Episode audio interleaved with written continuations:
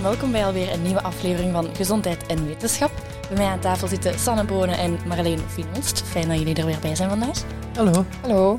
Het is heel warm geweest, in midden augustus ongeveer. We hebben allemaal zitten puffen en zweten, maar er is één groep in het bijzonder dat er echt vanaf ziet en dat zijn de oudere mensen. En wat hebben we nu gezien? Er zijn eigenlijk 400 mensen meer overleden tijdens deze hittegolf dan die van vorig jaar. Klopt wat ik zeg, Marleen? Ja, in de woonzorgcentra althans. De, de woonzorgcentra houden sterftecijfers bij en rapporteren dat aan de Vlaamse overheid. En het agentschap Zorg en Gezondheid maakt daar een rapport van. En daar zijn er de afgelopen maanden 906, er zijn 906 overlijdens gerapporteerd in de Vlaamse woonzorgcentra.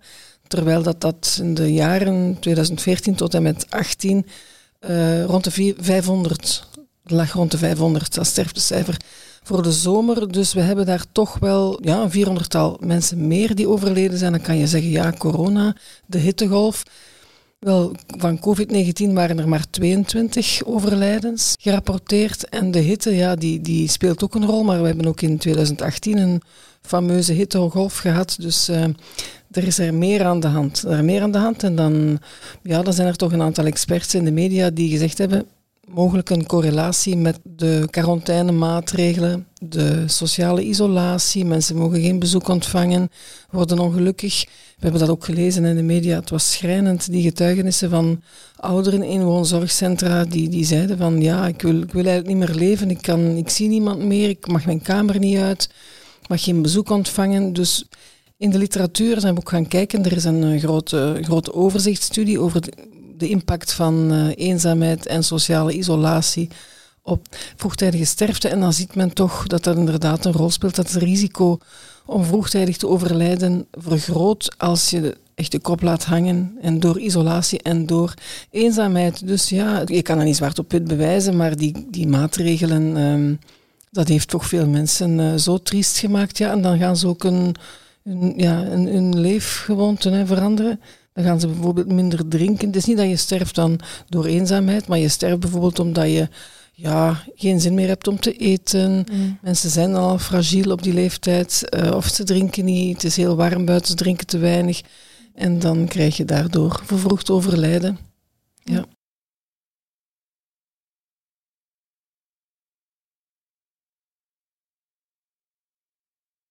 Kan je ook fysieke klachten krijgen van eenzaamheid? Ik denk dan bij een depressie kan je ook fysieke klachten krijgen. Is eenzaamheid vergelijkbaar? Kan je fysieke klachten krijgen van eenzaamheid? Misschien dat je je meer gaat focussen op, op pijn of pijntjes, dat kan uh, op die manier dan, maar verder niet echt. Het is altijd het is een indirect effect, maar toch wel een belangrijk effect. En dan de cijfers te zien heeft het toch wel, denk ik, wel een uh, rol gespeeld, ja. Je hebt minder afleidingen. Um, als er familieleden op bezoek komen, kleinkinderen komen op bezoek, dat zorgt voor positieve afleiding. En ja, daar worden de mensen blij van. En, uh, en als je die afleiding niet hebt, ja, je zit altijd maar alleen, dan is die focus er inderdaad ook wel sneller, denk ik, op de dingen die niet goed gaan. En, uh... Ja, je hoeft daarvoor zelfs niet ouder te zijn in een woonzorgcentrum. Als je mensen in quarantaine zet thuis, dan mogen niemand zien. Veel te veel singles in onze maatschappij, alleen mag je er niet aan denken. Die, die, die gaan er zeker ook wel ondergebukt gaan. Maar bon. Ja, nu de maatregelen zijn er, voorlopig blijven die ook. Um, wat kunnen we dan doen om die eenzaamheid toch te verminderen voor die, die um, kwetsbare personen? Er zijn woonzorgcentra die uh, toch bezoeken organiseren, coronaproof, buiten, een tentje. Dus uh, vraagt veel mankracht, vraagt veel energie. Daar worden wel inspanningen voor geleverd en we willen de woonzorgcentra geen, zeker geen steen werpen, want die mensen doen echt wel wat ze kunnen. Het probleem is dat ze te weinig middelen hebben, te weinig, er zijn te weinig... Mensen te werk gesteld in woonzorgcentra. Ze hebben gewoon te weinig centen daarvoor. Ik denk dat daar dringend uh, iets aan moet gebeuren. Ze doen hun best met de middelen die ze hebben, maar ja, ze hangen ook af van de adviezen of de maatregelen die ze moeten mm of geacht worden te nemen. Hè. Ja. Die leeftijd, is dat een belangrijke factor? Kunnen ook jonge mensen sterven aan eenzaamheid, om het zo te zeggen? Of als die fysieke gezondheid er toch nog is, is het dan minder waarschijnlijk? Ik denk het ja. Ik denk dat als je dat je dan niet zo gevoelig bent voor te weinig drinken of te weinig eten. Maar als je al, weinig, allee, als je al wat uh, fragiel bent, dan gaat dat rapper een rol spelen, zeker en vast. Ja, ja, ja. En nu, met het nakende griepseizoen, moeten we ze extra beschermen, hè, Sanne? Ja, ja, klopt, effectief. Ja, want ze verwachten dat er misschien een tekort gaat zijn aan griepvaccins. Wat moeten we daar dan mee doen? Wel, um, omwille van het feit dat ze zich daar zorgen over begonnen te maken en, uh, en dat we daar toch beter op voorhand over nadenken, is er een, uh, door de overheid een werkgroep samengesteld die dat de koppen bij elkaar heeft gestoken en die nagedacht heeft van oké, hoe kunnen we um, ervoor zorgen dat de griepvaccins die we hebben, dat die zo goed mogelijk besteed worden. En daar zijn adviezen uitgekomen vorige week. En wie heeft dan het meest zo'n vaccin nodig? Sowieso gaat het um, ook over de ouderen in het, uh, in het rusthuis, onze kwetsbare populatie. Maar niet alleen zij, dus nou, het gaat eigenlijk al over 65-plussers. En uh, alle personen die meer risico hebben op verwikkelingen van de griep. Um, dat zijn mensen bijvoorbeeld met chronische ziekten van voor het hart of de longen. Um, dan denk ik ook aan zwangere vrouwen. We hebben het hele lijstje staan op gezondheid en wetenschap. En ik denk dat men in twee fasen gaat uh, vaccineren tegen griep. Dus ook mensen die niet tot die risicogroepen behoren, die kunnen ook een uh, griepvaccin krijgen, maar in een tweede fase, klopt? Ja, klopt. Dus uh, wat ze beslist hebben, is dat van 15 september tot 15 november alleen de risicopersonen hun vaccin kunnen gaan afhalen bij de apotheker, zodanig dat de beschikbare vaccins dat er zijn, dat die toch echt wel prioritair naar de risicogroepen gaan, de risicopersonen. Um, en al diegenen die dat dan daarna overblijven na 15 november, die kan iedereen gaan halen met een voorschrift van zijn, uh, van zijn huisarts. Um, dan zijn ze weer terug vrij verkrijgbaar. Ja, je kan je de vraag stellen waarom maakt men er, produceert men er gewoon niet meer, maar uh, dat is heel moeilijk om te produceren, om te kweken. Dat zijn geen, ja, geen eenvoudige pilletjes, dus dat, uh, dat, dat is een heel programma voor, dat kan je niet zomaar laten toenemen. Bovendien was de vraag naar griepvaccins de voorbije maanden al vijf keer zo hoog dan de voorbije jaren. Dus de vraag is enorm groot naar griepvaccinatie. Ja. Ook omdat mensen bang zijn. Ze denken van als ik ook nog eens de griep krijg, dan verzwakt mijn weerstand en dan ga ik misschien, als ik dan een coronabesmetting oploop, heel erg ziek worden door COVID-19 en misschien hè, met een hoog risico toe moeten worden opgenomen en verwikkelingen te krijgen. Dus daarom zijn ineens zoveel mensen uh, willen zich laten vaccineren tegen griep, terwijl we de voorbije jaren daar altijd op moeten hameren, mm. dat mensen, kwetsbare groepen, zich laten vaccineren en dat eigenlijk wow, een beetje schoorvoetend aan toegeven, zo iets meer dan de helft gaat daarop in. En nu ineens is daar een uh, booming vraag, maar de, de productie kan dat niet volgen en vandaar dat uh, twee-stappenplan. En is dat een reële angst um, dat uw weerstand verzwakt door de griep? Ja, dat denk ik wel. Dat lijkt me eigenlijk wel. Ja. Het zal zeker ook moeilijk zijn als je de symptomen gelijken op, op elkaar. Uh, COVID-19, hoesten, snotteren, koorts, uh, wat spierpijn. Dat heb je ook met griep. Dus uh, mensen gaan allemaal denken wanneer ze een griepje opdoen van ah, dit is COVID-19 en dan ja.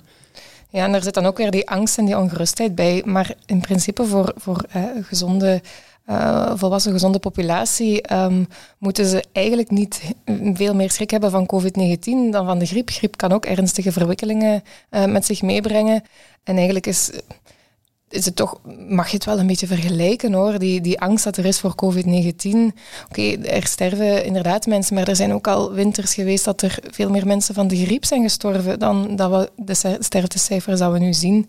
Dus uh, ja. Ja, dat is waar. Die vergelijking wordt nogal gemaakt. Hè. Wij hebben echt nooit uh, met maskers en zo rondgelopen voor het griepvirus. Terwijl er ook heel veel mensen ja. van stierven. Ja, ja zeker. Ja. zeker. Mm -hmm. um, en de mensen die in die eerste fase hun vaccin krijgen, wil dat zeggen dat zij ook vroeger dat vaccin moeten laten zetten? Of moeten ze dat beter even bijhouden? Nee, ze beter eventjes bijhouden. Dus als je het al haalt vanaf 15 september, bewaar het in de frigo. Um, het beste moment om te vaccineren is tussen half oktober en half november. Ja, ik denk dat er echt een piek als er een griep komt. Meestal februari. Ja, en ja, ja. zolang dat er geen piek is geweest van griep, is een vaccin nog nuttig. Het, het, vaccin werkt ook na 10 à 15 dagen, is het werkzaam. Dus stel dat je het pas in december laat zetten en er is pas een grieppiek in januari, februari, dan werkt dat nog steeds. Um. En wij als gezonde personen, moeten wij ook zo een griepvaccin laten zetten? Goh, eigenlijk niet, niet per se. Um, ik denk dat het gewoon zo belangrijk is dat we die risicopersonen wel echt bereiken. En ik hoop dat dat dit jaar gemakkelijker zal lopen dan andere jaren. Als, als dat kan gebeuren met de vaccins die dat we hebben, want we hebben er ook wel meer dan andere jaren. Als dat al gebeurt, dan zijn we al heel blij. Want het zijn eigenlijk die kwetsbare mensen die dat ook weer terecht gaan komen in het ziekenhuis. En dat is weer net wat dat we niet willen. En we willen de bedden vrij houden voor als er toch, ja, als de griep echt, de grieppiek samenvalt met een COVID-19-piek, ja, dan moeten we zoveel mogelijk mensen die we kunnen beschermen, wel beschermen. En uh, de zorgverleners die worden ook, denk ik, ja, meteen inderdaad. gevaccineerd. Ja. Groep 1 zijn de, de risicopersonen, groep 2 zijn de mensen die in de zorg werken en groep 3 zijn dan ook de mensen die uh, samenwonen onder één dak met de risicopersonen en mensen die samenwonen met uh, babytjes jonger dan zes maanden, want die kan je niet vaccineren.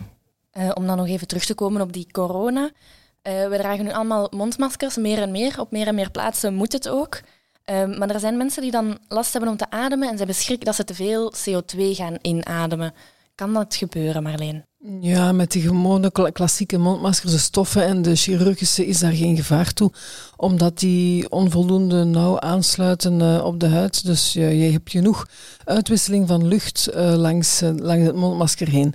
Die CO2-moleculen, koolstofdioxide, die zijn veel kleiner dan coronavirus, dus dat gaat vlot overal langs het mondmasker. Dus daar is geen gevaar tenzij je gaat sporten. Ja, dan, dan, maar dat hebben we al, ook al gezegd. Hè. Dat is ook niet nodig. Zeker niet wordt afgeraden om een mondmasker te dragen tijdens intensief sporten, joggen, fietsen. Niet doen. Maar gewoon als je gewoon wandelt of in de straat of, of neerzit of wat dan ook, is er geen enkel gevaar dat je te veel CO2 gaat inademen. Um, men ziet al met onder voorbehoud, is één uitzondering, dat zijn die FFP2-maskers, die eigenlijk alleen bedoeld zijn voor zorgverleners.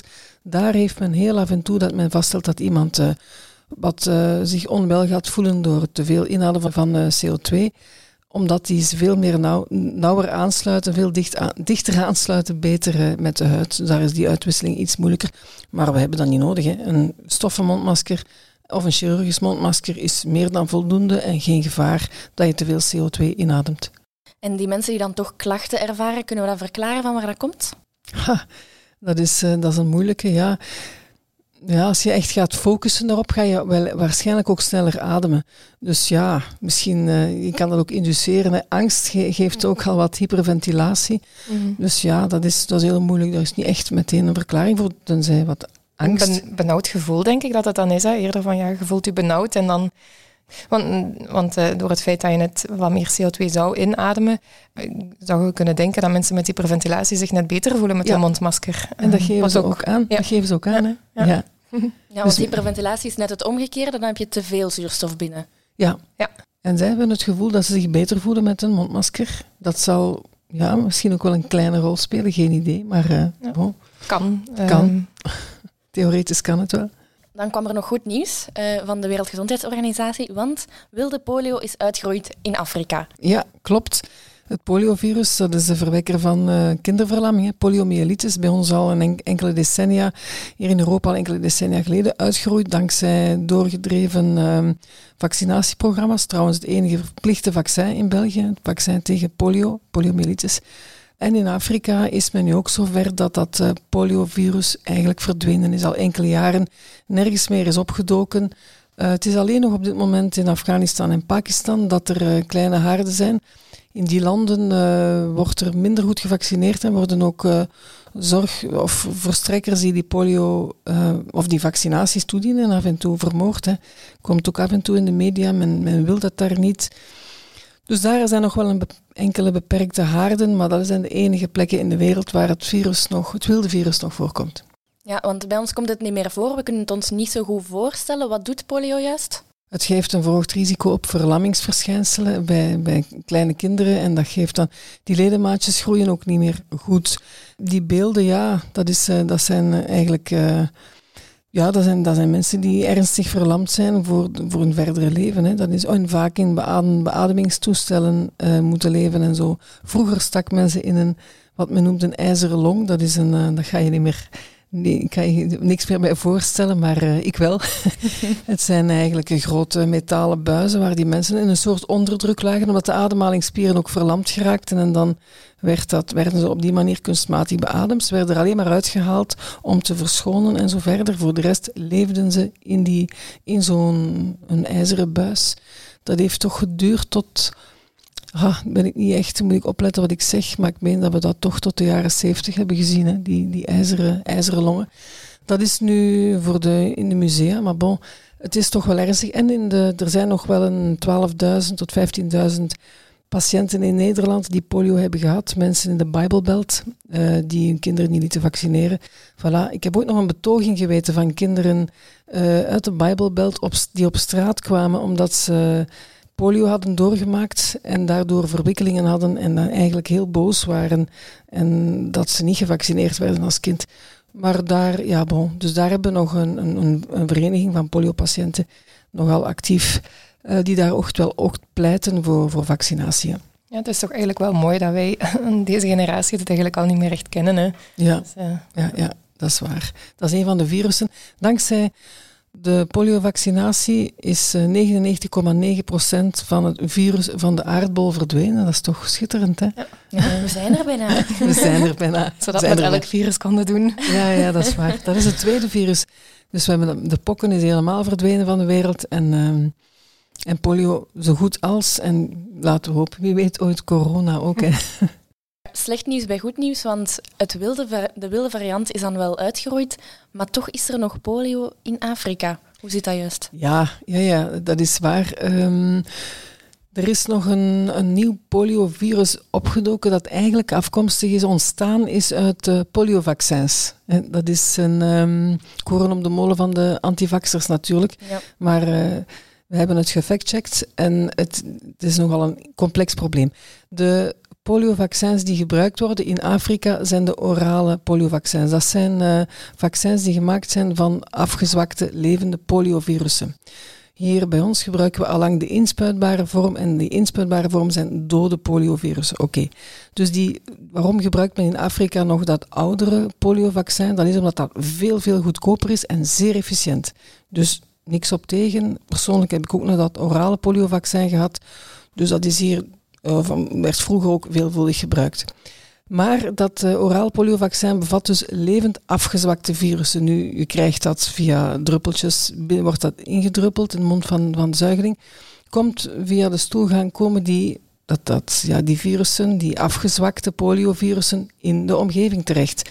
En wanneer die, die virussen daar blijven een gastheer vinden en, en eigenlijk blijven circuleren, dan ondergaan die genetische wijzigingen. Dat hebben we altijd met virussen, die, die veranderen een beetje genetisch. En geluk, allee, je moet dan heel veel ongeluk hebben, pech hebben, maar het is gebeurd dat uh, die um, virussen die op die manier in de omgeving kwamen, die poliovirussen, uit dat vaccin terug agressieve virussen werden. Dus eigenlijk terug veranderden in een, ja, een gevaarlijk um, poliovirus. En wanneer dan kinderen of mensen daarmee in aanraking komen die niet gevaccineerd zijn tegen polio, dan kunnen die polio krijgen door zo'n uh, virus in, dat ingebracht is in de omgeving eigenlijk, door de poliovaccinatie. Dat is de reden waarom dat gebeurt zeer zelden, maar toch. Er zijn gedocumenteerde gevallen, ik denk een achthonderdtal gedocumenteerde gevallen in Afrika. Dus men moet die eradicatie of die poliovaccinatie blijven verder gaan tot ook die gevallen, dat, dat ook dat virus verdwenen is. Want de beste remedie om dat virus aan te pakken is gewoon de poliovaccinatie verder zetten. Nu gaan uh, antivaxers zeggen, zie je wel, de farma-industrie zorgt ervoor dat ze zichzelf in stand houdt. Hm. Ja, maar we moeten dat, we, zijn al heel ver in, in die eradicatie en we moeten nog een aantal jaren verder gaan. Men heeft nu een verlengingsprogramma tot 2023 om ook, wanneer iedereen gevaccineerd is, dan kan er geen kwaad meer, kom je in contact met zo'n een, uh, gereactiveerd virus uit een vaccin, ja, dan je bent gevaccineerd, dan ben je veilig. We hebben trouwens op Gezondheid en Wetenschap een filmpje gezet dat, uh, ja, het is wel in het Engels, maar het een tekenfilmpje dat heel goed uitlegt hoe dat, dat in zijn werk gaat. Dus mensen die geïnteresseerd zijn, moeten daar zeker eens gaan kijken. Die nieuwe variant lijkt toch nog genoeg op die oude variant dat het oude vaccin ook wel werkt. Ja, ja, ja, ja, ja absoluut. Zeker en vast. Dat, is, dat poliovaccin werkt daar eh, perfect, perfect tegen. Ja. Men gaat trouwens in Afrika, is men ook aan het overschakelen naar het inspuitbare vaccin. Gewoon, zeker met de risicogroepen begint men daarmee. Maar dat is tien keer zo duur. En dat, pas op, dat gaat over uh, eh, 1 uh, eh, dollar cent, centime. Dat, dat, die prijzen zijn zeer, zeer, zeer laag voor vaccins. Dus als je een miljarden kinderen moet vaccineren, dan, moet je, dan speelt dat natuurlijk wel een belangrijke rol. Dat inspuitbare is iets duurder, ook nog altijd heel goedkoop, maar men gaat het toch nu ook inzetten in, uh, in Afrika. Om die reden dan, of zijn er nog redenen waarom dat we de inspuitbare versie liever hebben dan de orale versie? Omdat dat orale poliovaccin in 3 à 4 op 1 miljoen dosissen ook soms verlammingsverschijnselen geeft. Dus in zeer, zeer zeldzame gevallen, 3, op 4, 3 à 4 per miljoen, is extreem zeldzaam, kan je toch ver, tijdelijke verlammingsverschijnselen krijgen door de vaccinatie van, van het, met het orale vaccin. Maar daar genees je dan wel Ja, ja dat gaat wel. Maar toch, dat is natuurlijk... Uh, dat, dat wil je liever niet meemaken. Hè? Dus het is, de, het is veilig. Het inspuitbare is veiliger op alle fronten. Je kan geen nieuw virus in de, in de omgeving brengen, want dat zijn dode virussen, die kunnen niet gereactiveerd worden. En het heeft uh, minder, nee, die zeldzame, zeer zeldzame nevenwerking niet. Oké, okay, laat ons hopen dat het lukt tegen 2023, had je gezegd? Ja, dat is het plan een luchtig onderwerp misschien, of iets luchtiger om af te sluiten. Um, een vraag die elk tienermeisje en elke volwassen vrouw zich wel eens stelt. Die pil, mag ik die doornemen? Want klassiek is dat uh, eh, 21 dagen dat je de pil neemt en dan een week stop je. Kan het kwaad als ik dat een week doorneem? Nee, kan, uh, kan helemaal geen kwaad. Um, we hebben er eigenlijk uh, vorig jaar een, een, artikeltje over geschreven naar aanleiding van nieuwe Britse richtlijnen die veel minder conservatief waren en die zeiden van ja, het hele klassieke schema van 21 dagen pil nemen, 7 dagen stoppen en dat maand na maand doen, hè, dan uh, heb je zogezegd een cyclus van 28 dagen, dat dat eigenlijk ja, niet nodig is. Ja, van waar, van waar komt dat klassieke schema? Een beetje het gevoel van, oké, dan heb ik mijn eigen normale cyclus, zeker. En een cyclus duurt gemiddeld 28 dagen. En ja, uiteindelijk speelt de pil daarop in door ook een cyclus van 28 dagen te creëren, maar dat is eigenlijk complete nonsens, want dat is um, volledig onnatuurlijk. Dat is geen normale cyclus dat je hebt uh, onder de pil. Ja, maar dat stamt inderdaad van uh, Allee, enkel, dat is nog niet zo heel lang geleden dat uh, vrouwen dachten dat je die maandstonden niet mocht, mag onderdrukken, dat dat ongezond is. Dus men heeft eigenlijk de pil zo ontworpen in de jaren 60. de pil is van 1960. Bedacht, zo bedacht om die zogezegd natuurlijke cyclus na te bootsen, om die vrouwen gerust te stellen. Eigenlijk was dat een soort verkoopsargument. Hè. Het probleem is ook dat, dat je dan eigenlijk klachten hebt hè, in, die, in die stopweken, migraine. Ja, en dan komen inderdaad ja, door, het, door het ineens wegvallen van die hormonen, dus 21 dagen lang neem je hormonen en dan zeven dagen niet. Als ineens die hormonen wegvallen, uh, ja, vrouwen en hun hormonen, ja, dan kunnen er klachten ontstaan. Niet alleen uh, buikpijn, maar natuurlijk ook eh, menstruatieklachten, um, hoofdpijn, uh, migraine, um, stemmings, stemmingswisselingen komen ook voor. Ja, als je dat kan vermijden door gewoon de pil verder te nemen en dus eigenlijk continu ja, weken of maanden lang dezelfde hoeveelheid hormonen te blijven nemen, ja, dan is dat mooi meegenomen voor de vrouwen die dat iedere maand uh, een ambetante periode hebben. Hè. Ja, want die stopweek, dat lijkt op een menstruatie, maar het is geen menstruatie. Nee, klopt. Um, en dus eigenlijk wat dat dan de vrouwen denken van oké, ik moet mijn, mijn, mijn baarmoeder of mijn lichaam zuiveren, want dat menstruatiebloed moet eruit. Um, dat is dus niet uh, hetzelfde bloed, zeg maar, ja, als, als een gewone menstruatie. Want ik leg het meestal aan de jonge vrouwen, of ik vraag eigenlijk aan de jonge vrouwen van weet je eigenlijk wat dat menstruatie is? Weet jij het, Amber? um, ja, op het einde van de cyclus, als je niet bent zwanger geworden, moet het slijmvlies moet eruit en ja. dat komt een beetje met bloed. En... Ja, inderdaad. Want ja. eigenlijk een cyclus, uh, 21 dagen lang, um, het zit heel ingenieus in elkaar. Um, maar in het midden van de cyclus heb je je eisprong. En uh, dus als dat uh, eitje bevrucht geraakt um, door een zaadcel, dan, uh, dan moet dat op een gegeven moment in zijn bedje geraken, de baarmoeder. En daar wordt het, is het bedje van, van een bevruchte ei, eicel. en het is eigenlijk dat bedje dat dan maandelijks afgestoten wordt wanneer dat de eicel niet bevrucht is, is dat bedje niet nodig en, en wordt het uitgestoten door het lichaam. Maar door de hormonen in de pil bouw je dat bedje uh, bouw je niet op, want waarom heb je dat bedje niet nodig? Met de pil heb je geen eisprong, dus er moet helemaal geen bedje uh, klaargemaakt worden voor een mogelijk bevruchte eicel. Het bloedverlies dat je hebt, um, is dan ook vaak veel minder, want je bouwt niet zoveel slijmvlies op in je baarmoeder. Um, en het beetje slijmvlies dat je verliest, of het bloed dat je kan verliezen tijdens uh, uh, de zogenaamde menstruatie, Um, dat is eigenlijk gewoon een, een soort van onttrekkingsbloeding, noemen we dat. Door het plots wegvallen van de hormonen wordt dat baarmoederslijmvlies toch wat fragiel en de oppervlakkige laag daarvan brokkelt dan wat af en dat is je, je bloeding. Maar dat is goed uitgelegd. Alle meisjes die, die het gehoord hebben, weten het nu. En hoe lang kan je de, de pil dan doornemen? Waarschijnlijk niet eindeloos, hè? Het hangt er een beetje vanaf wat dat jouw lichaam kan als vrouw. Er zijn ehm, helaas ook, ook vrouwen die dat, ehm, de pil niet kunnen doornemen en die eigenlijk als ze vanaf zodra dat ze aan een nieuw stripje beginnen in week 4 of week 5, dan toch een doorbraakbloeding krijgen. En dat is, ja, dat is nu eenmaal zo. Een vrouwenlichaam is, ja, valt ook niet helemaal te beïnvloeden, maar bij heel veel vrouwen gaat het wel. En die kunnen dan, als het goed gaat en als ze geen doorbraakbloedingen krijgen, kunnen eigenlijk maandenlang, tot zelfs een jaar, uh, perfecte pil doornemen zonder dat ze menstruatie moeten laten doorkomen. Oké. En is er een verschil tussen lager en hoger gedoseerde pillen? Zijn er pillen waar die je makkelijker kan doornemen? Of? Ja, op zich is dat niet heel duidelijk, want dat is ook weer individueel verschillend. Maar um, ja, dat we sowieso zien bij jonge meisjes, als we pas de pil opstarten, kunnen die, die doorbraakbloedingen veel vaker voorkomen. Dus de eerste drie maanden kan het wel zijn dat je meer van die bloedingen hebt. Blijft dat bestaan na drie maanden, dan kan er geprobeerd worden om een hoger gedoseerde pil uh, te geven. Dan krijg je inderdaad iets hogere dosis hormonen binnen. En de reden waarom dat onze richtlijnen eigenlijk nog altijd wel een beetje conservatief zijn en zo uh, deels bij dat schema blijven, is omdat um, er is wel onderzoek gedaan naar uh, het doornemen van de pil. Want uiteindelijk in plaats van 21 dagen per 28 dagen neem je dan 28 dagen of continu um, hormonen in. Dus je neemt dan uiteindelijk op jaarbasis wel wat meer hormonen in. Maar er zijn studies gedaan, overzichtsstudies, um, die dat nagekeken hebben. En dat als je dat een jaar lang doet, dat er eigenlijk geen verschil is. Dus tot een jaar lang weten we dat het veilig is. daarna zijn er eigenlijk geen studies, maar eigenlijk als we theoretisch kijken, is er geen gevaar. Um, want die hoeveelheid hormonen dat je dan extra neemt, is ook niet gigantisch veel. Mm Oké, dat is een geruststelling. We kennen dan nu de, vooral de nadelen van, van die stopweek, maar zijn er ook voordelen om toch maar 21 dagen um, de pil te nemen?